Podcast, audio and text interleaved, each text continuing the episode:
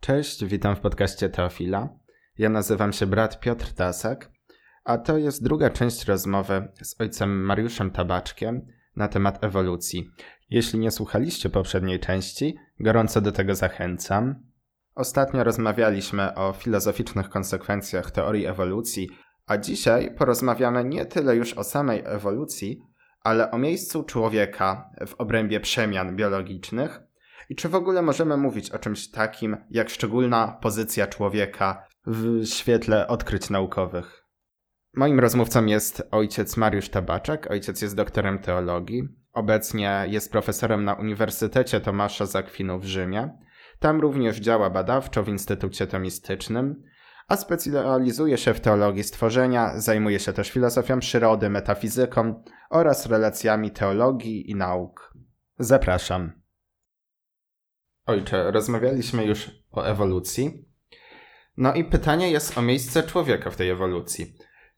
Przypominam sobie takie grafiki, które widziałem przedstawiającego Darwina jako małpę, potem jak ogłosił swoją teorię ewolucji, twierdząc, że również człowiek rozwija się od e, jakichś prostszych, nie wiem, zwierząt, prostszych elementów.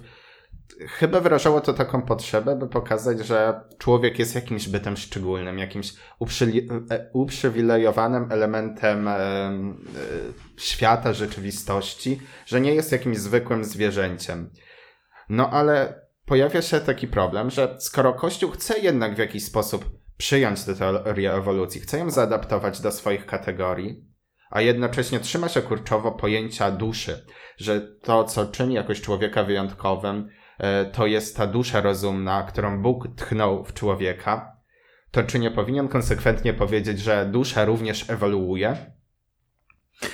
Tak, y, no tutaj kilka poziomów należałoby rozgraniczyć. Nie, nie wiem, czy będę w stanie y, też do wszystkich tutaj się odnieść.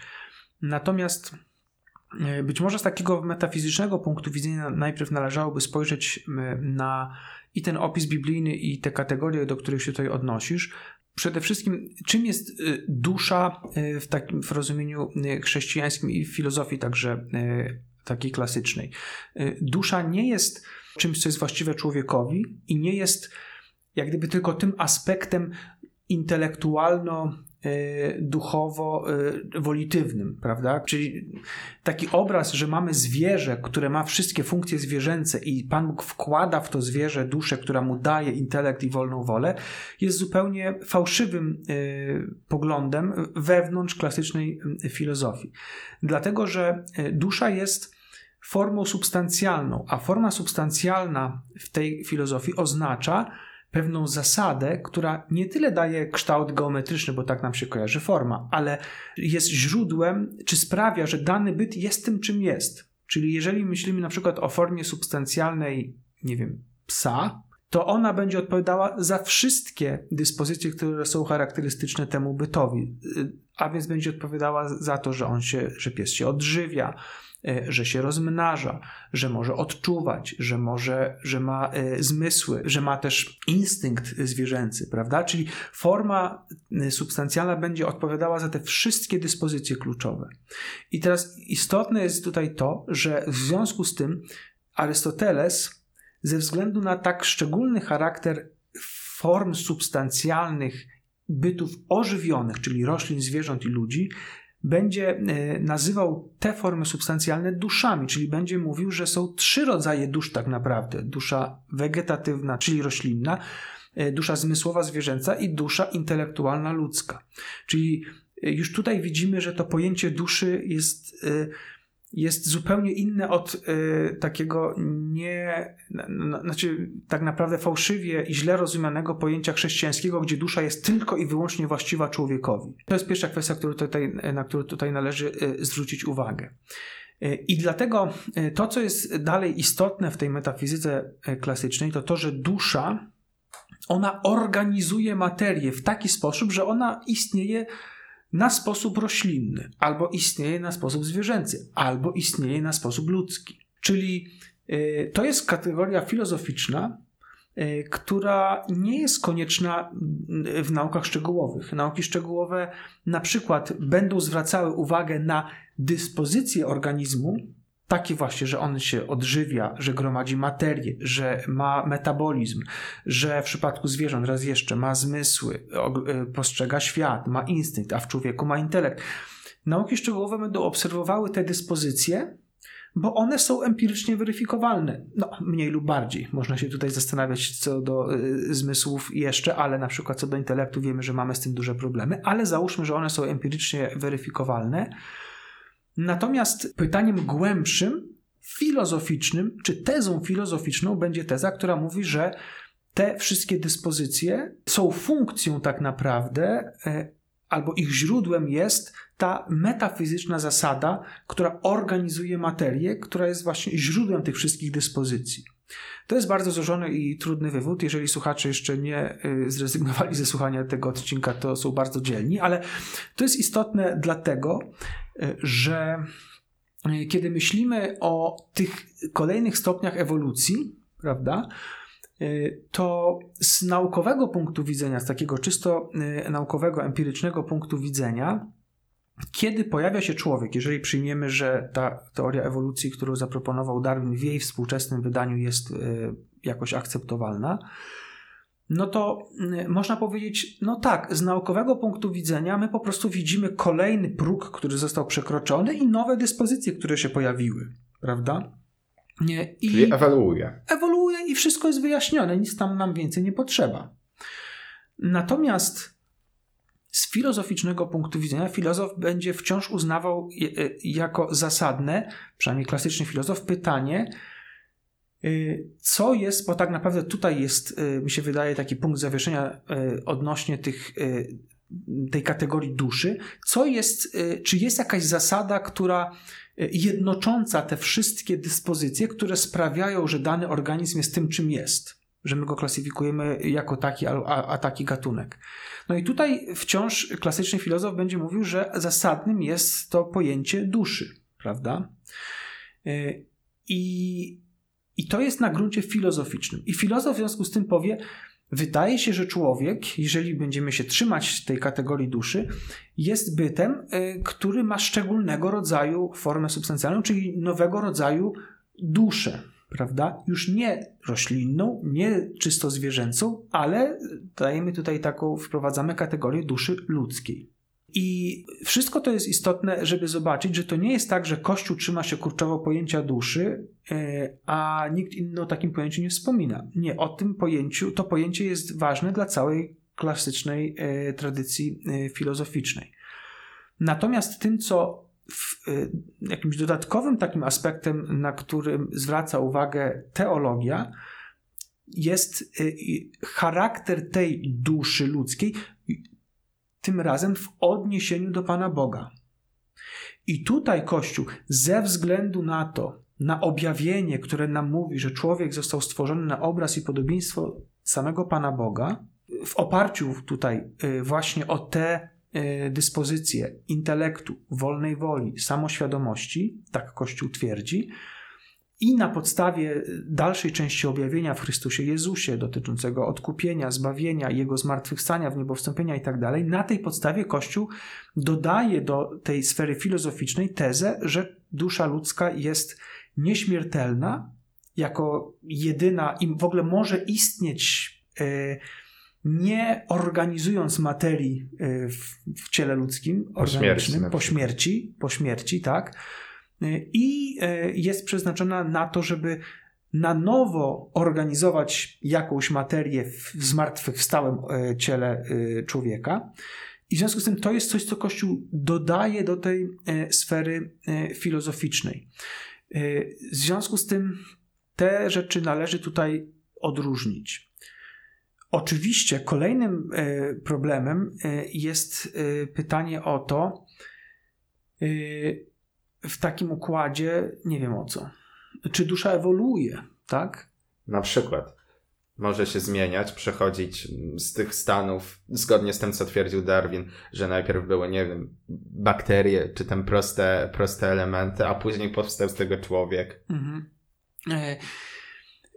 W rozumieniu e, klasycznym e, dusza e, jest, czy, czy dana forma substancjalna jest można powiedzieć, wydobywana z, potenc- z potencjalności materii, czyli jakaś, jest jakaś przyczyna, y, która sprawia, że materia zaczyna funkcjonować w taki, a nie inny sposób. To mogą być rodzice, którzy na przykład właśnie poczynają y, swojego potomka, a więc sprawiają, że materia są przyczynami tego, że materia zaczyna funkcjonować, jakieś, jakaś cząstka materii zaczyna funkcjonować na sposób organizmu żywego, prawda?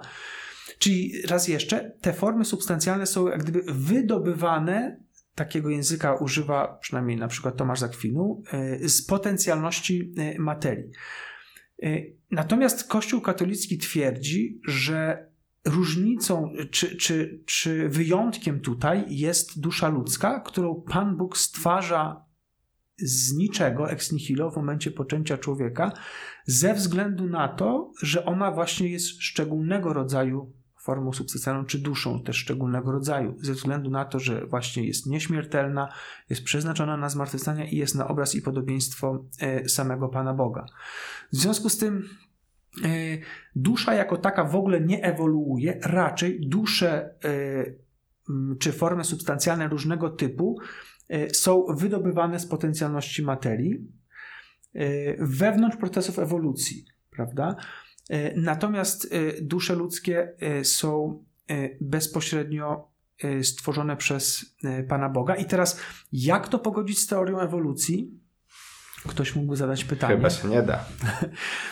Więc propozycję, którą można tutaj jakoś wypracować, można by jakoś określić czy, czy, czy zarysować w ten sposób.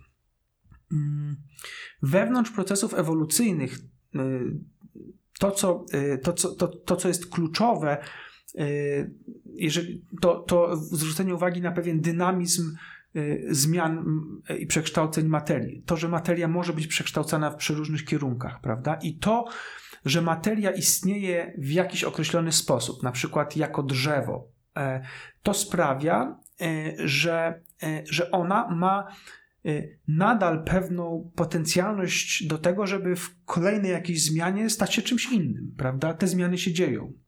E, drzewo może obumrzeć, to prawda, ale y, jakaś cząstka materii, która jest organizowana przez formę substancjalną drzewa, może na przykład stać się y, owocem tego drzewa, z którego później z nasionka wyrasta kolejne drzewo, prawda? Czyli mamy pewien taki ciąg organizowania materii w określony sposób przez, y, przez przyczyny y, przeróżne y, w przyrodzie. I teraz mm, można w związku z tym spojrzeć na tą ewolucję, która doprowadza do powstania człowieka w ten sposób, że materia, która ulega ciągłym przemianom, wewnątrz tych przemian, można powiedzieć, jest przygotowywana do tego, żeby być organizowaną przez różnego typu sposoby funkcjonowania, prawda? Właściwe y, roślinom, zwierzętom i tak dalej. I w tych procesach dysponowania tej materii, przygotowywania tej materii do funkcjonowania w określony sposób, materia została przygotowana do tego, żeby została zorganizowana w taki sposób, że powstanie człowiek, że to będzie ludzki sposób funkcjonowania. Czyli ewoluuje materia, a duszę Bóg stwarza w momencie poczęcia. E, ewoluuje zawsze, e, można tak powiedzieć, materia. E, troszeczkę to jest obraz uproszczony, ale nie mam, no tutaj nie, nie jesteśmy w stanie wejść we wszystkie meandry te, tego systemu metafizycznego w tak krótkim czasie. Załóżmy, że można tak stwierdzić. I teraz w związku z tym mamy do czynienia z rzeczywiście sytuacją, w której materia jest dysponowana, przygotowana do tego, żeby była Y, zaktualizowana czy zorganizowana y, na sposób ludzki przez y, duszę, którą Pan Bóg stwarza ex nihilo. Należy przy tym podkreślić, że to działanie Pana Boga, pomimo tego, że jest działaniem bezpośrednim, zwykle takie działanie byśmy, mielibyśmy taką tendencję, żeby określić je miarem, miarem działania cudownego, że to jest jakiś cud, prawda? Natomiast y, myślę, że tutaj warto odwołać się do świętego Tomasza Zakwinu, który podkreśla, że cud jest działaniem Boga, y, które albo przyspiesza przyczyny naturalne działające w świecie, albo mm, jak gdyby robi, czyni coś ignorując przyczyny, które tutaj działają w świecie, biorąc je w jakiś sposób w nawias.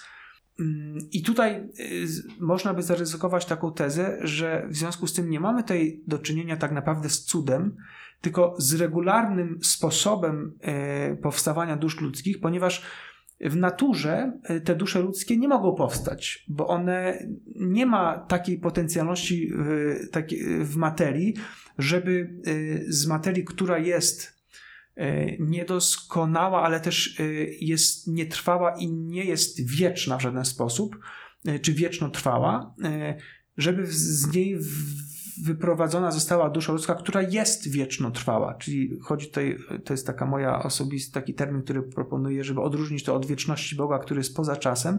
Wiecznotrwałość będzie polegała na tym, że dusza ludzka ma początek w czasie. Człowiek ma początek w czasie, ale trwa. Ale trwa, y, zakładamy, w jakąś nieskończoność, prawda, w, y, w katolickiej y, teologii. W związku z tym taka, taki sposób, taka forma substancjalna nie może zostać wyłoniona z materii, natomiast ją stwarza bezpośrednio ex nihilo Pan Bóg. Natomiast raz jeszcze, nie jest to zawieszenie praw przyrody, nie jest to obejście albo przyspieszenie czegoś, co może się stać y, regularnie w przyrodzie.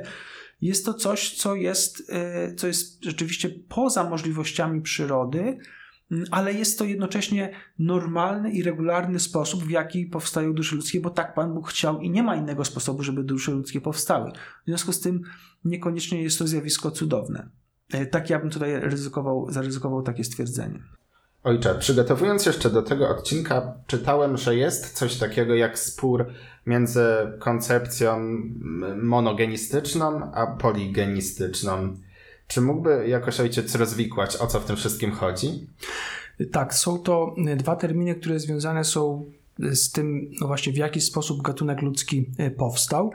I chodzi po prostu o to, jest to pytanie o to, czy gatunek ludzki ma początek, czy bierze się z jednego organizmu, bądź też z pierwszej pary dwóch osobników ludzkich, jest to stanowisko monogenistyczne, czy też Y, ten początek człowieka mm, ma miejsce w całej populacji hominidów, a więc ma swoje źródło w wielu osobnikach, y, które y, powstają w wielu rodzinach hominidów. Tak, zachodzi jakaś mutacja, jest jakiś czynnik powodujący mutację, który dotyczy wielu organizmów i w ten sposób powstaje tak naprawdę wiele osobników ludzkich. O tym jest ten spór. Mhm. No to wydaje się jednak, że w Biblii mamy napisane, że Pan Bóg stworzył Adama i Ewę. Czyli w zasadzie jedną parę. W zasadzie Adama tak naprawdę na samym początku, czyli jednak monogenizm. Tak, y, więc y, jeżeli zatrzymalibyśmy się najpierw przy stanowisku monogenizmu, y, to tak jak wspomniałeś, jest to argument, znaczy za tym stanowiskiem stoi argument oparty na Księdze Rodzaju, gdzie jak wspomniałeś jest mowa o Adamie, z którego później powstaje Ewa. Natomiast w Piśmie Świętym jest jeszcze przynajmniej trzy inne fragmenty, które tutaj są przytaczane. E, bardziej poboczne e, fragment z Księgi Mądrości, gdzie mowa jest o mądrości właśnie, która, e, cytuję, zachowała prarodzica świata, pierwsze samotne stworzenie, wyprowadziła go z upadku i dała mu moc panować nad wszystkim. A więc jest też mowa o jednym prarodzicu wszystkich ludzi. W dziejach apostolskich mniej bezpośrednio Mowa jest o Bogu, który z jednego wyprowadził cały rodzaj ludzki. Nie jest określone z jednego, no właśnie co, czy człowieka, czy grupy. E, tutaj jest to mniej dookreślone, ale egzegeci, którzy stoją, czy teologowie, którzy stoją na straży monogenizmu, e, oni twierdzą, że tutaj też mamy e, argument na rzecz właśnie tej pozycji. Natomiast jeszcze ważniejszym i kluczowym w całej tej debacie wydaje się, jeżeli chodzi o aspekty biblijne, fragmentem jest fragment listu do Rzymian, gdzie święty Paweł mówi o tej analogii Adam Chrystus. I jak wiadomo, na ten fragment powoływać się będą też dokumenty Kościoła, e, które będą broniły stanowiska e, monogenizmu. I tutaj pozwolę sobie od razu wspomnieć najważniejszy z tych dokumentów, kluczowy, to jest encyklika Piusa XII Humani Generis, gdzie z jednej strony papież Y, z pewną rezerwą, ale jednak y, otwart, otwiera drogę do spekulacji dotyczących e, antropogenezy, gdzie jest miejsce na hipotezę czy teorię ewolucji, zaznaczając jednocześnie, tak jak już tutaj mówiliśmy, że w poprzednim odcinku, czy jeszcze w tym samym odcinku zresztą, że ciało wyprodukowała ewolucja, a duszę dał Pan Bóg. Pius e, zgadza się na e, możliwość takiej tutaj e, spekulacji teologicznej, natomiast podkreśla bardzo mocno w, zaraz później, że jeżeli chodzi o spór o mono i poligenizm, to e, nie wydaje się, znaczy Pius XII staje po stronie monogenizmu i jego argument jest właśnie taki. Nie wydaje się, żeby dało się pogodzić hipotezę taką, że było więcej pierwszych organizmów ludzkich właśnie z nauką świętego Pawła o e, grzechu pierworodnym i, o, i z jego analogią e, Adam Chrystus. No to jednak nauka będzie próbowała tutaj uderzyć w chrześcijaństwo i będzie próbowała powiedzieć, że no jednak cała grupa, wydaje się, że koncepcja, że był tylko jeden człowiek, no jest trochę jednak nierealna. Tak, ja bym tutaj unikał takiego sformułowania, że nauka uderza w, w, teologię, ponieważ y, nauka rzetelnie uprawiana jest nauką i naukowcy po prostu uprawiają naukę, dążąc do prawdy przy pomocy narzędzi, które posiadają. E, I rzeczywiście jest tak, że e, współcześnie zdecydowana większość biologów opowiada się za e, scenariuszem poligenicznym. Dlaczego? Dlatego, że mm, oczywiście na, znaczy na podstawie tego, jak rozumiemy mechanizm ewolucji, gdzie współcześnie we współczesnej wersji teorii ewolucji, we współczesnej syntezie mam zaangażowane są także modele matematyczne, tak zwana genetyka populacyjna. I, I tutaj, kiedy próbujemy, próbujemy modelować to, jak zachodzą zmiany e, makroewolucyjne, ponieważ ich nie jesteśmy w stanie zaobserwować w laboratorium, no, wydaje się, że te zmiany właśnie zachodzą w taki sposób, że one mają miejsce w całej populacji, prawda? Dlatego, że gdyby to, gdyby scenariusz monogeniczny zakłada tak zwany efekt wąskiego gardła. To znaczy, że mamy jakąś większą populację, która de facto zmniejsza się do rozmiarów no, bardzo niewielkich, e, dosłownie no, kilkuset, kilku, kilkudziesięciu osobników i później tam zachodzi zmiana e, specjacyjna i później następuje jakieś takie no, niewiarygodne wręcz e, rozmnożenie się tych osobników już nowego gatunku. Tak wyglądałby ten mechanizm przy ma bardzo małej ilości osobników, a y, koncepcja taka, że to jest tylko jeden osobnik albo jedna rodzina czy, czy y, małżeństwo hominidów, gdzie y, zachodzi taka zmiana, jest wręcz absolutnie znikome. Dlatego też nauka będzie popierała rzeczywiście poligenizm. Czy da się w ogóle to jakoś pogodzić z nauczaniem Kościoła? Czy no jednak musimy obstawać przy tym, co twierdzi Księga Rodzaju i ewentualnie koncepcje naukowe, które wydają się ją jakoś potwierdzać. E, więc tak, no więc e, spór tutaj e, teologiczny jest ożywiony i trwa. Jeżeli byśmy chcieli zostać dalej przy stanowisku monogenizmu i próbować, jeżeli spróbowali, spróbowalibyśmy je bronić w kontekście też współczesnych nauk, znajdujemy takich teologów i być może najlepszym tego przykładem jest Kenneth Kemp, amerykański, y, amerykański naukowiec, teolog. Mm, który y, tak naprawdę y, przedstawia teorię, która sięga wstecz y, do teologii Andrew Alexandra z 1964 roku, a jeszcze wcześniej pierwotną wersję tego stanowiska, który za chwilę przedstawię, podał Camille Müller w, na Uniwersytecie Katolickim w Louvain w 1951 roku. O co chodzi? Otóż teza jest taka, że kiedy mówimy o gatunku ludzkim, trzeba wyróżnić trzy stopnie, tak można by powiedzieć, stawania się człowiekiem. E, Kenneth Kemp za tymi e, teologami, których wspominam, mówi o tym, że istnieje biologiczny gatunek ludzki, filozoficzny gatunek ludzki i teologiczny gatunek ludzki, gdzie biologiczny gatunek ludzki będzie zdefiniowany w ten sposób, że jest to populacja wzajemnie krzyżujących się ze sobą osobników, które wydają płodne potomstwo, czyli e, klasyczna gatunek. biologiczna definicja gatunku. Nie będę wchodził tutaj absolutnie w meandry e, całej wielokrotnie złożonej debaty na temat tego, czy ta definicja, definicja jest adekwatna, czy nie wewnątrz samej biologii, a już nie wspominając o filozofii. Filozoficzny gatunek ludzki będzie oznaczał już zwierzę rozumne, zdolne do rozumowania konceptualnego, mające samoświadomość i wolną wolę, ale jeszcze nie posiadające odniesienia transcendentalnego do Boga y, i bez jeszcze zrozumienia tego, jaki jest ostateczny cel transcendentny życia ludzkiego.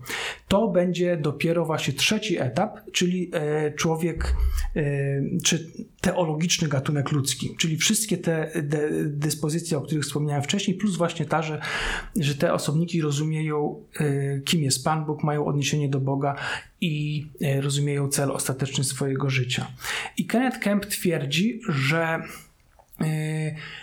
specjacja polega na tym, że wewnątrz gatunku biologicznego, powstaje y, ludzkiego, powstaje filozoficzny gatunek ludzki, czyli osobniki, które już mają y, zdolność rozumowania, ale jeszcze nie posiadają odniesienia tego transcendentalnego. Jego teza jest taka, że y, Pan Bóg wybiera, czy część z tych osobników otrzymuje nieśmiertelną duszę ludzką i stają się wtedy tym człowiekiem teologicznym, prawda? I to jest jego, to jest jego Dlaczego on tak, znaczy jak gdyby, w czym pomaga nam takie rozróżnienie gatunku ludzkiego mm, na poziomie bio, znaczy biologicznego, filozoficznego i teologicznego? Otóż chodzi o to, że e, teza tu jest taka, jeżeli ten człowiek powstaje e, i dopiero na tym ostatnim etapie staje się w pełni człowiekiem, to jednak on w zasadzie, ten człowiek teologiczny, nie różni się praktycznie niczym, jeżeli chodzi o y, jego aspekty fizyczne, zdolności umysłowe, intelektualne, samoświadomość i tak dalej, od tego człowieka filozoficznego i biologicznego. W związku z tym z łatwością dużą y, nawiązuje relacje i współżyje z tymi y, osobnikami mm, czy wewnątrz gatunku gatunku biologicznego, ludzkiego i wydaje potomstwo, i w związku z tym nie ma tutaj tego problemu według niego, e, że. Mm, mielibyśmy taką sytuację, jeżeli powstaje Adam i tylko Adam, albo Adam i Ewa, że oni de facto mogą współżyć tylko ze sobą, e, bo tylko e, oni wydają w płodnym, płodne potomstwo, które jest potomstwem ludzkim, prawda? Gdzie mamy to absolutnie wąskie gardło, gdzie mamy tylko Adama, albo tylko Adama i Ewę i w związku z tym, żeby powstali kolejni ludzie, oni muszą współżyć ze sobą.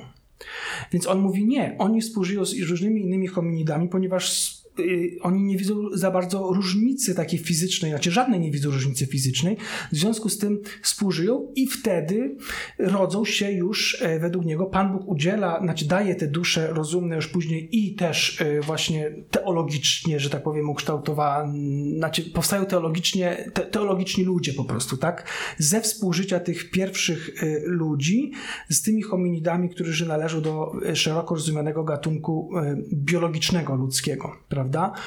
E, czyli to gardło według Kennetha Kempa nie jest wcale takie wąskie. E, natomiast według mnie jest słabością tej koncepcji zasadniczą jest to, że de facto to gardło jest dalej takie wąskie, jak, jak na to nie chce się zgodzić e, stanowisko naukowe, prawda? Y, dlatego, że, że tam wciąż mamy taką sytuację, że powstaje tylko i wyłącznie no, monogenizm, czyli jeden organizm, czyli Adam albo Adam i Ewa.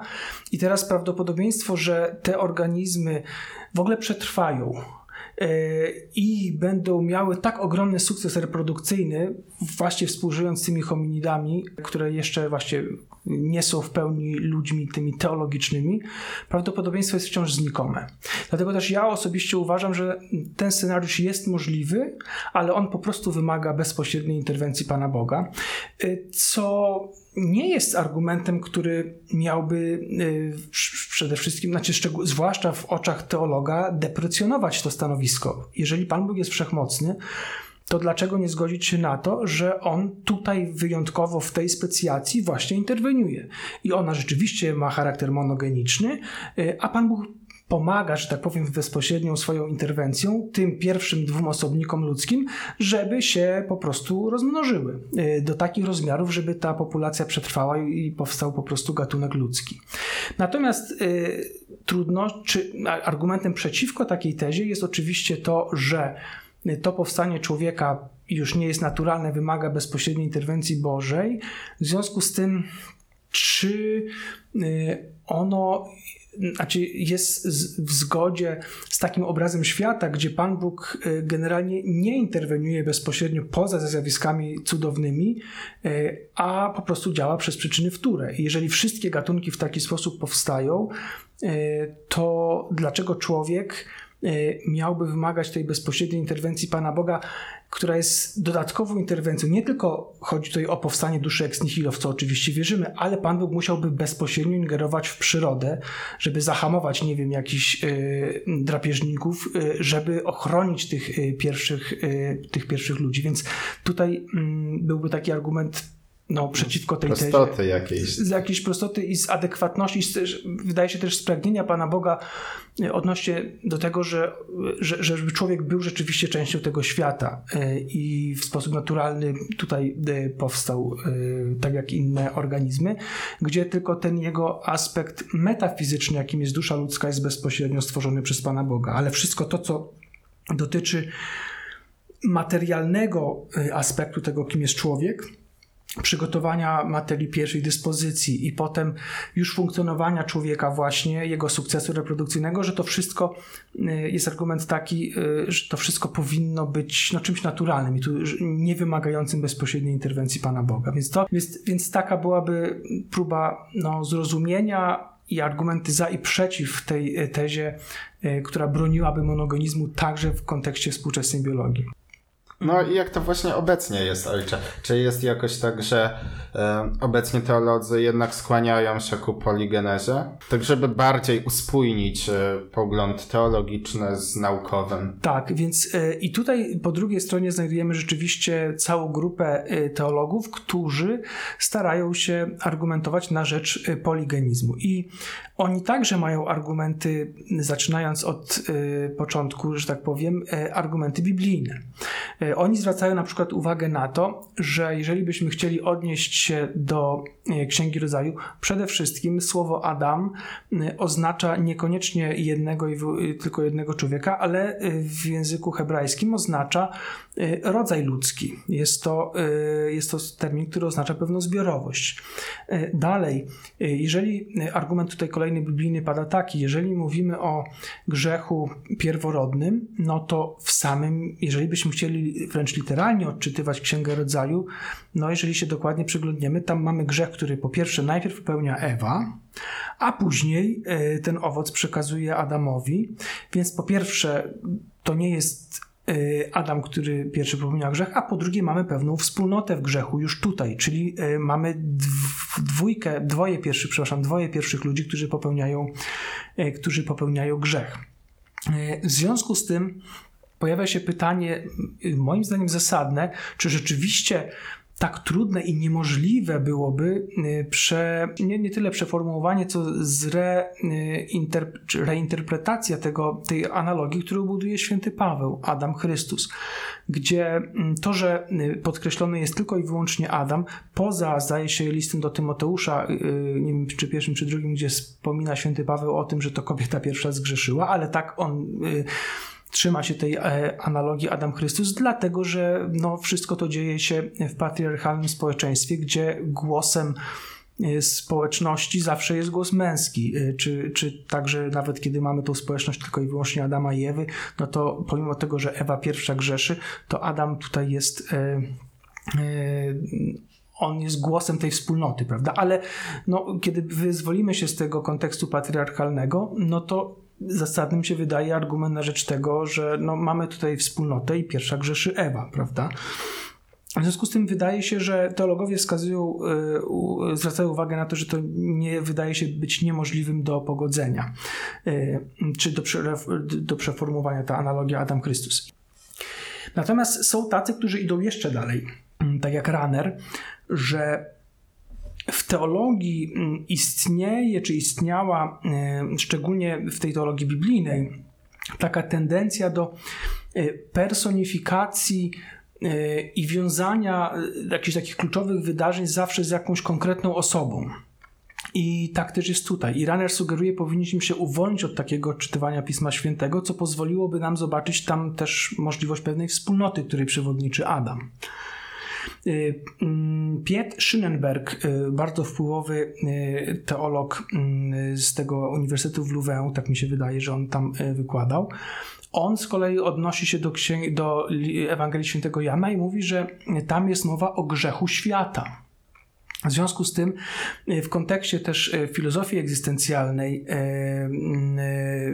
współczesnej, pojawiły się takie tutaj taka koncepcja, że powinniśmy tak naprawdę właśnie mówić o grzechu świata, czyli o grzechu wspólnoty.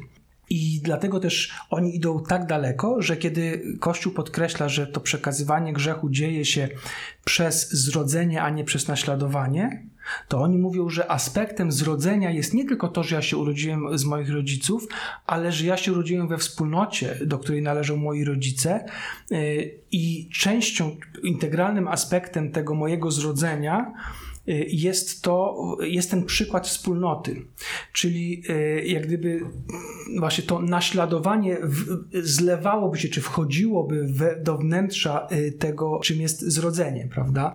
W pewnym sensie. Oczywiście to jest nadinterpretacja, ktoś powie i być może słusznie. E, natomiast ja tutaj przytaczam, jakie argumenty się e, pojawiały. Mm, dochodzi wręcz do tego, e, że teologowie tacy jak Taillard de Chardin stwierdzają w zasadzie, że absolutnie nie do obrony jest w, kontekście współczesnych nauk monogenizm i w ogóle historia pierwotnej doskonałości, gdzie Taillard de Chardin przedstawia taką wizję nieustannie dziejącej się y, zmiany, y, jakąś taką wizję ciągle wzrastającej złożoności wszechświata, mm, gdzie nie ma jakiegoś stanu pierwotnie doskonałego, natomiast jest pewien cel, do którego dążymy i grzech pierworodny bardziej polega na tym, że my zatrzymujemy się w pół drogi, niż że tracimy jakąś doskonałość, którą posiadaliśmy. Jest to zresztą nawiązanie tak naprawdę do świętego Ireneusza jeszcze ze starożytności, który y, w podobny sposób myślał o złu świata i o tym skąd ono się wzięło. Wydaje się to być bardzo atrakcyjną koncepcją i też współgrającą z teorią ewolucji, prawda? Nie docieramy do ideału człowieka, do którego ewolucja y, dążyła czy dąży. Natomiast problemem tego stanowiska oczywiście jest obraz Pana Boga bo wtedy mamy obraz Pana Boga, który stwarza świadomie nie do końca dobrego, yy, znaczy nie, do, nie w pełni dobrą i spełnioną naturę ludzką, prawda? Yy, czyli yy, obraz Pana Boga, w którym nie ma idei zła, jakoś no, jest postawiony pod znakiem zapytania wtedy, prawda? Czyli mm, to pokazuje, że mm, to jest nośny, y, znaczy można, możemy podać no, całą serię argumentów na rzecz poligenizmu, i biblijnych, i teologicznych, natomiast ten e, obraz rzeczywiście ma mm, też swoje słabości. E, I mm, jeżeli chodzi o teologię, jeszcze powinienem o tym wspomnieć, bo to jest bardzo tutaj istotne. Przypomniało mi się jeszcze, przepraszam, e, bo to jest dobre takie zwieńczenie tego argumentu poligenicznego w ujęciu właśnie Tajarda de Chardin czy innych teologów, którzy go wspierali, czy za nim poszli. Taka teza właśnie, że ogród rajski jest snem, a nie wspomnieniem czyli z jakimś po prostu marzeniem człowieka, ale tak de facto czegoś takiego nigdy nie było.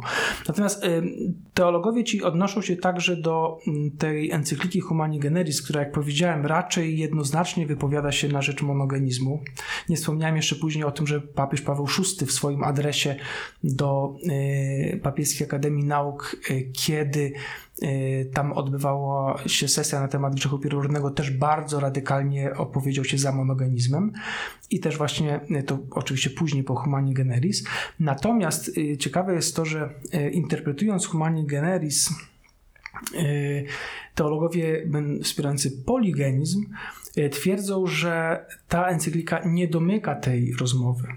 Że papież mówi w niej, nie wydaje się, żeby było możliwe pogodzenie poligenizmu z grzechem pierworodnym, i tutaj się często dopowiada, na obecnym, znaczy na obecnym etapie rozwoju badań teologicznych. I oczywiście część teologów, będzie mówiła właśnie tak, że to jest debata otwarta, część będzie mówiła, że nie, ta debata jest domknięta i to już należy do, e, do uniwersalnego, e, powszechnego nauczania Kościoła. Więc tutaj mamy pewien e, spór, natomiast mm, Y, no zdradzę, że teraz y, ja też uczestniczę, uczestniczę w grancie y, na temat ewolucji, takim naukowym programie badawczym i powstanie z tego programu, on dzieje się w Stanach Zjednoczonych, powstanie publikacja zbiorowa i tam jeden z teologów, ojciec Simon Gain, dominikanin, pisze artykuł właśnie na ten temat.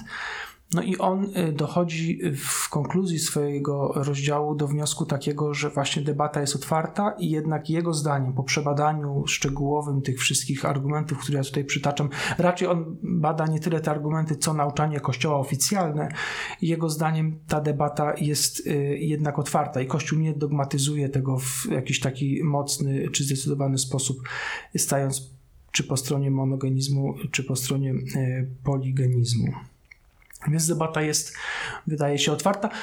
Wydaje, na koniec jeszcze, no, wydaje się, że jest to pewna mądrość Kościoła tutaj, prawda? Że w tym sensie, że Y, no jest to wciąż y, i po stronie nauk szczegółowych y, należy tutaj zapewne w kontekście całych tych trzech podcastów, które mamy w planie na temat ewolucji, należy tutaj naprawdę podkreślić to, że teoria ewolucji sama w sobie jest przedmiotem bardzo skomplikowanej debaty, bardzo złożonej debaty, gdzie poddaje się wątpliwość wewnątrz biologii. Nie sam fakt zachodzenia ewolucji, ale mechanizm zachodzenia ewolucji.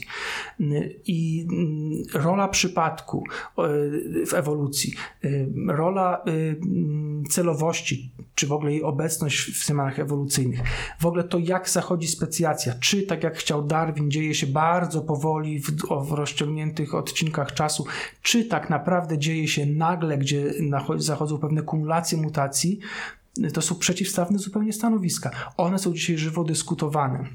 W związku z tym Kościół, wydaje się, widząc to, jest ostrożny, bo nie chce wiązać się po prostu w sposób definitywny z jakąś, z, z określonym stanowiskiem w naukach szczegółowych, widząc jak działają nauki, jak one się rozwijają, że te koncepcje się często y, po prostu zmieniają, na tym polega rozwój nauki. Więc wydaje się, że jest tutaj pewna mądrość Kościoła, otwartość y, i rzeczywiście pole do, do działania dla teologów. Tak, chyba faktycznie fajnie jest nie zamykać debaty, żeby zmotywować nas do wysiłku i do nieustannych poszukiwań. No, historia pochodzenia ludzkiego jest fascynująca, ale jak patrzymy w przeszłość, to tam bez wątpienia jest mnóstwo pytań. E, odpowiedzi możemy poszukiwać w nieskończoność. Ale może teraz wróćmy trochę i spójrzmy w przyszłość. Może być tak, że materia jest przygotowywana jakoś do przyjęcia duszy ludzkiej, to czy jest taka możliwość, że ona będzie przygotowywana dalej? W sensie, że człowiek jest jakąś, jest dusza roślinna, zwierzęca, ludzka i powiedzmy będzie kiedyś jakaś super człowiecza, człowiek dwa. Mhm. Czy Pan Bóg może stworzyć jeszcze coś takiego? Czy my dalej się będziemy rozwijać? Czy ten człowiek dwa to będzie tak naprawdę ten sam człowiek, tylko jakiś lepiej rozwinięty? Czy zupełnie inny gatunek bytów? Dobrze, więc ja przepraszam, zanim odpowiem na to pytanie, jeszcze e, wraca mi tutaj, e, znaczy czuję w sobie taką potrzebę, żeby raz jeszcze podkreślić i zwrócić uwagę na pewien taki niuans, który jest istotny też odnośnie nauczania Kościoła. Otóż e, w dokumentach też oficjalnych Kościoła dotyczących powstania człowieka znajdziemy tak naprawdę kilkukrotnie takie stwierdzenie, że ale proszę zobaczyć, że ja tutaj używałem cały czas kategorii y, i świadomie, i nie bez przyczyny, że to materia jest przygotowywana i materia jest organizowana y, w określony sposób, że zaczyna funkcjonować w określony sposób. Natomiast w języku y, dokumentów Kościoła, które do tych kwestii się odnoszą, pojawia się często kategoria inna, pojawia się takie sformułowanie, że ciało przygotowała ewolucja, a duszę dał Pan Bóg. Ja osobiście uważam, że to jest bardzo nieszczęśliwy sposób ujęcia, ponieważ on jest dualistyczny i mamy tak oddzielone dwa, dwie, dwie oddzielne kategorie ciała i duszy, gdzie sam Tomasz oczywiście używa też takiego sformułowania. Wydaje mi się, że ze względu na to, że w dużej mierze korzysta z Augustyna, który jest platonikiem i on ma rzeczywiście postrzega to jako dwie oddzielne substancje, ciało i duszę, a jednocześnie, i to moim zdaniem jest też argument, dla którego Y, dokumenty Kościoła takim językiem mówią. Y, chodzi tutaj o to, y, o pewien taki kontekst duszpasterski, bo bardzo trudno jest, to, to wymaga naprawdę no, wejścia w jakieś pewne takie żargon filozoficzny, żeby zrozumieć, że tutaj mamy do czynienia z zasadami metafizycznymi potencjalności i aktu, a niekoniecznie z dwoma odrębnymi substancjami materii i, i jakiejś tam substancji duchowej, prawda? I Kościół będzie mówił raz jeszcze tak, e, powtórzę kilkukrotnie, że ciało przygotowała ewolucja, a duszę dał Pan Bóg. Ja uważam, że to jest nieszczęśliwe. Uważam, że materia, że ewolucja e, dotyczy materii i e, przedstawia nam historię różnicowania i zmian wewnątrz materii świata, I to jest proces, w którym materia została raz jeszcze dysponowana i przygotowana, żeby zostać zorganizowaną w określony sposób. Y, I to dzieje się nie w taki sposób, nie, nie w momencie, tak ja uważam, że bardziej adekwatne jest takie sformułowanie, to nie dzieje się w ten sposób, że mamy dorosłego E, jakiegoś hominida, w którego Pan Bóg wkłada duszę, bo przecież ten hominid jest zwierzęciem i ma już duszę zwierzęcą, to Pan Bóg musiałby włożyć drugą duszę, co jest absurdalne z punktu Albo widzenia. Wyjąć. Albo wyjąć tamtą. Albo dokonać zmiany substancjalnej, natychmiastowej, w której fizycznie się nic nie zmienia de facto, yy, tylko zmienia się e, w niewidoczny sposób jeden organizm w drugi, taki, który ma już duszę nieśmiertelną i yy, więc jak gdyby to się wydaje karkołomna teoria. Raczej moim zdaniem dzieje się to w momencie poczęcia, gdzie, y, gdzie właśnie materia jest zdysponowana, mamy komórkę jajową i plemnika, materia jest dysponowana, żeby w zmianie substancjalnej, która następuje, y, powstał y, organizm, który teraz już jest uformowany nowego rodzaju, czy funkcjonuje w nowego rodzaju sposób, dzięki temu, że jest aktualizowany przez duszę, którą rzeczywiście Pan Bóg stwarza, ale nie wkłada ją w gotowe ciało, tylko sprawia, że materia zostaje Y, aktualizowana i zaczyna, i zaczyna funkcjonować w taki sposób, że jest to ciało ludzkie. Tomasz powie w jednym miejscu, przynajmniej w komentarzu do Oduszy Arystotelesa, że jeżeli człowiek umrze, to nie ma już ciała. Y, I to też, bo, bo zostają tylko zwłoki. Ciało jest tylko wtedy, kiedy ono jest organizowane przez duszę ludzką. Y, kiedy człowiek umrze, nie ma już ciała, bo, bo ta materia już nie jest organizowana przez duszę ludzką. Zostają zwłoki. To jest zupełnie inna substancja. To nie jest ciało. Ciało jest tylko żywe. Nie, nie ma ciała martwego dla, yy, dla konsekwentnego Arystotelika, yy, tak bym powiedział.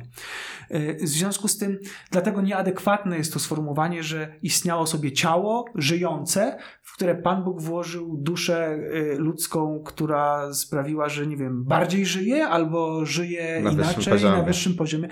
Więc to jest język moim zdaniem nie do końca tutaj szczęśliwy. I to nie chodzi o to, że Kościół się myli i Kościół, Kościół błądzi w swoich oficjalnych dokumentach. Tak jak wspomniałem, wydaje mi się, że raczej to jest podyktowane względami duszpasterskimi, e, no ale niestety może być opacznie zrozumiane. E, to tutaj. Natomiast odpowiadając na pytanie o człowieka w wersji. E, Człowiek no, 2. Człowiek 2. No tutaj dotykamy kwestii dotyczącej transhumanizmu. Żywo dzisiaj jakoś dyskutowany to jest pewien taki dział antropologii, Y, który się y, jakoś dynamicznie rozwija. Y, no i różnie na tą kwestię można spojrzeć. Znaczy, generalnie transhumanizm dotyczy udoskonalania człowieka, takiego jakim go znamy, bo znamy też nasze ograniczoności, wynikające zarówno z jednej strony z na przykład chorób, z pewnych różnych niedomagań naszej natury, i tutaj będzie trudne pytanie, co jest terapią, a co jest y, po angielsku enhancement, czyli jakieś udoskonalenie, nie, właśnie nie przekształceniem, ale raczej udoskonaleniem tego, y, tej natury. Natomiast z drugiej strony mamy y, taki aspekt transhumanizmu, y, który otwarcie będzie mówił, że to nie chodzi o poprawianie tego, co co nie funkcjonuje dobrze ze względu na no różne tutaj, to mogą być choroby, to może być, no nie wiem, kontekst społeczny, w którym na przykład dorastałem i nie pozwolił mi się dobrze rozwinąć i mogę to udoskonalić. Raczej y, istnieje też taki nurt transhumanizmu, który mówi, że w ogóle nasze ludzkie dyspozycje same w sobie, takie jakie są, są ograniczone i trzeba to zmieniać, należy to zmieniać i iść w stronę, no właśnie, w jaką stronę. I tutaj wydaje się, że można mówić o dwóch e, nurtach wewnątrz transhumanizmu. Pierwszy nurt to będzie taki, który będzie twierdził, że transhumanizm jest naturalnym kolejnym etapem ewolucji. I to mniej lub bardziej paradoksalne może się wydawać, ale, y, ale twórcą, y, jednym z pierwszych teoretyków transhumanizmu był nie kto inny jak Teilhard de Chardin, katolicki, skądinąd kontrowersyjny filozof, teolog, ale też paleoantropolog. I on w jednym ze swoich dzieł, zdaje się, że opublikowanym w 1951 roku, nie pamiętam tego dokładnie, Y, ale formułuje, y, znaczy wprowadza termin transhumanizmu. W tym samym czasie ten termin wprowadza jeszcze, zapomniałem nazwisko, pewien biolog i taki naturalista brytyjski. Zdaje się, że Huxley, ale nie jestem tego do końca pewien. Natomiast chodzi tutaj o to, że koncepcja jest taka, że to jest kolejny krok ewolucji. W związku z tym po pierwsze, to rodzi różne reperkusje. Być może nie należy stawiać oporu, raczej powinniśmy e, na to pozwolić i się w to zaangażować, ze świadomością, że to jest przedziwny krok ewolucji, w którym my tą ewolucję i zmiany ewolucyjne w sposób świadomy zaczynamy kształtować. Ale ci, którzy idą e, w tym nurcie, będą mówili: tak, taki jest kolejny etap, skoro przyroda wykształciła e, albo teologicznie rzecz ujmując, mamy Pana Boga, który tutaj wprowadził nas na ten świat jako istoty rozumne i my możemy tak wpływać na ewolucję, czemu nie? I to jest kolejny naturalny jednocześnie etap, prawda? Natomiast drugi nurt, alternatywny, e, będzie mówił, e, czy raczej postrzegał transhumanizm jako pewien trend społeczny. Nie na zasadzie, że to jest, nie, nie, że to jest kolejny etap ewolucji i właśnie być może jesteśmy zobowiązani go przyjąć i, i, i być może wtedy też w nawiązaniu do przyrody, tego czym ona jest, yy, da, kształtować na nowo, czy w, w, jakimś kierunku człowieka, ale jednocześnie szanując to, że jest częścią przyrody i tak dalej, i tak dalej.